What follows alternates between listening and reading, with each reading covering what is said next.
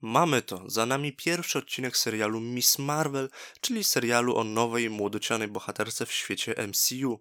I bardzo specyficznej postaci. Myślę, że jeżeli oglądaliście ten pierwszy odcinek, to wiecie o co mi chodzi.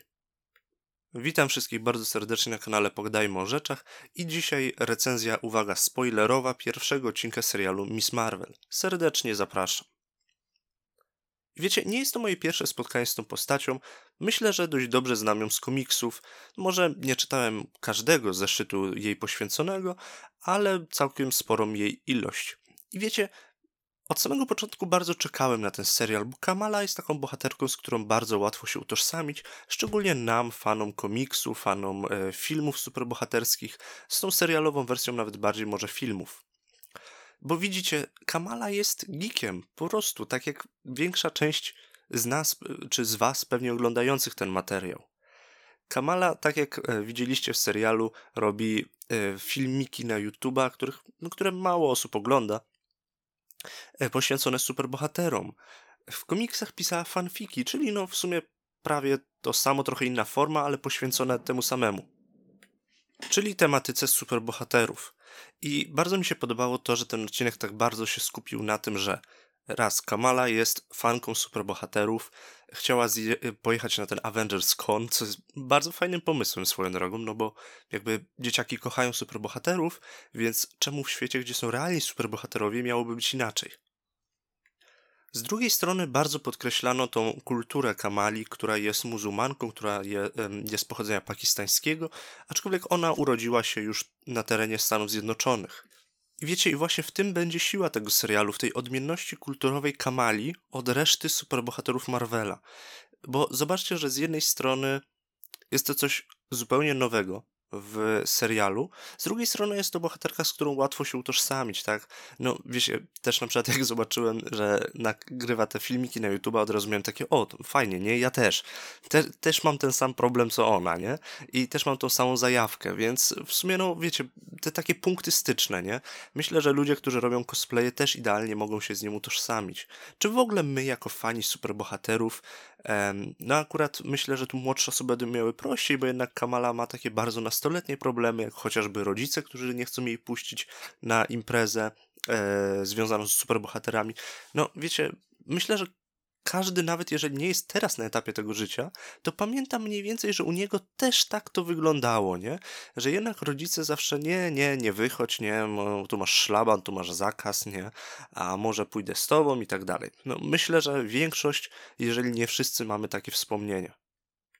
Zresztą słuchajcie, Kamala jest po prostu sympatyczną bohaterką i tak wypada w tym odcinku. Ale jest też coś, na co bardzo chciałbym zwrócić tutaj uwagę, mianowicie realizacja. Tego nie mieliśmy jeszcze w MCU e, i przyznam szczerze, ja w ogóle jestem wielkim fanem tych seriali na Disney+, bo one mogą być różne i inne od siebie. Zobaczcie, że na przykład WandaVision, e, Falcon Winter Soldier, Moon Knight, e, What If, jakąkolwiek miałby jakość, czy teraz właśnie Miss Marvel, zobaczcie, że one są diametralnie różne, jeżeli chodzi o ton, stylistykę, sposób kręcenia, montaż, tematykę i to mi się bardzo podoba, że one wszystkie są różne. I jasne, nie wszystko się każdemu będzie podobało, każdy będzie miał coś, co uzna, że o, to było interesujące, super, skierowane do mnie, e, to do, zupełnie do mnie nie trafiło, ale wiecie, druga osoba będzie miała na przykład na odwrót, tak? I każdy znajdzie coś dla siebie, no bo wiecie, jeżeli coś jest skierowane do wszystkich, to bardzo często jest albo zachowawcze, albo jest dla nikogo. No i do tej pory 90% filmów Marvela było kierowane do wszystkich, no i były zawsze przynajmniej dobre, ale bardzo mało z nich wchodziło na ten poziom perełka. No, tu seriale, muszę przyznać, że kolektywnie są lepsze od filmów właśnie z tego względu, że są różnorodne, że nie muszą być robione od linijki, od schematu, tą tak zwaną formułą Marvela. I Miss Marvel świetnie to pokazuje. Zobaczcie, że te wszystkie poruszające się em, graffiti na murach, te wstawki komiksowe, te wstawki takie obrazkowe, które się pojawiają, e, kiedy Kamala, wiecie, w ten swój świat fantazji wchodzi i na przykład zegar zaczyna się obracać.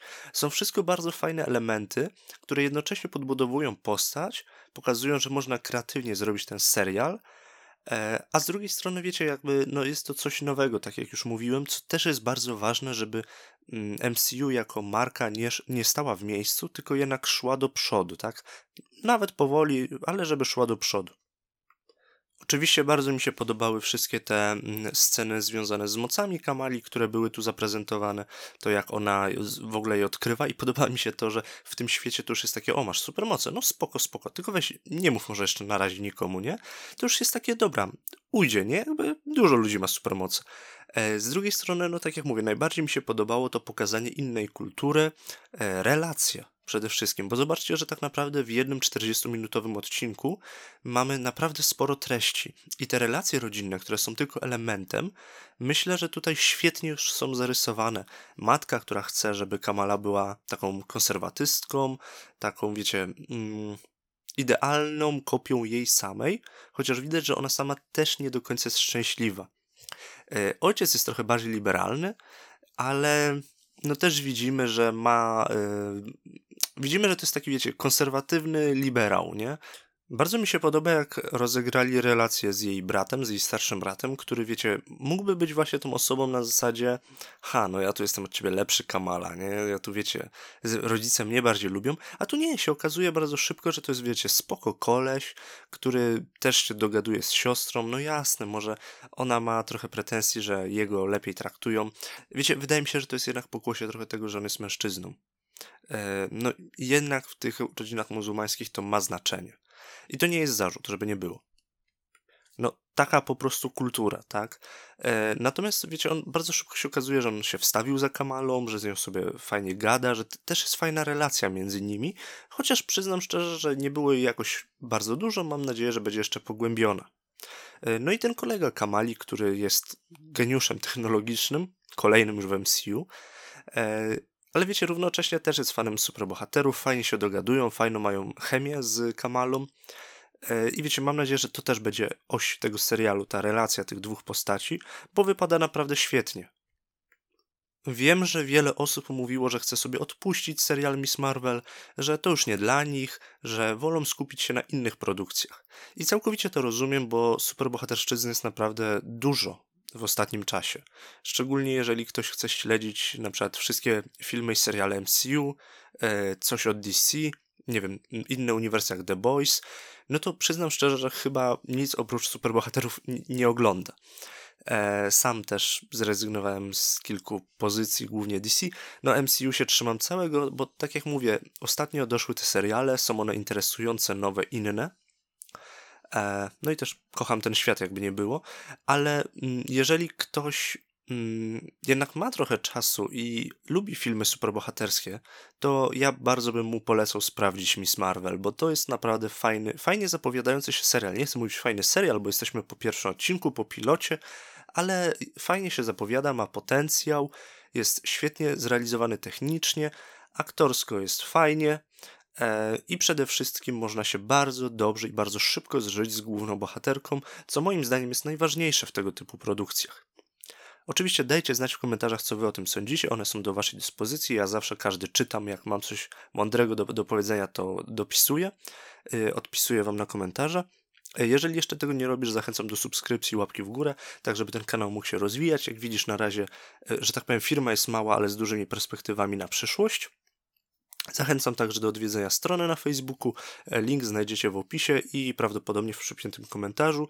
E, dzięki za to, że byliście dzisiaj ze mną. Ja nazywam się Radosław Gryczka. Do następnego razu. Trzymajcie się. Cześć.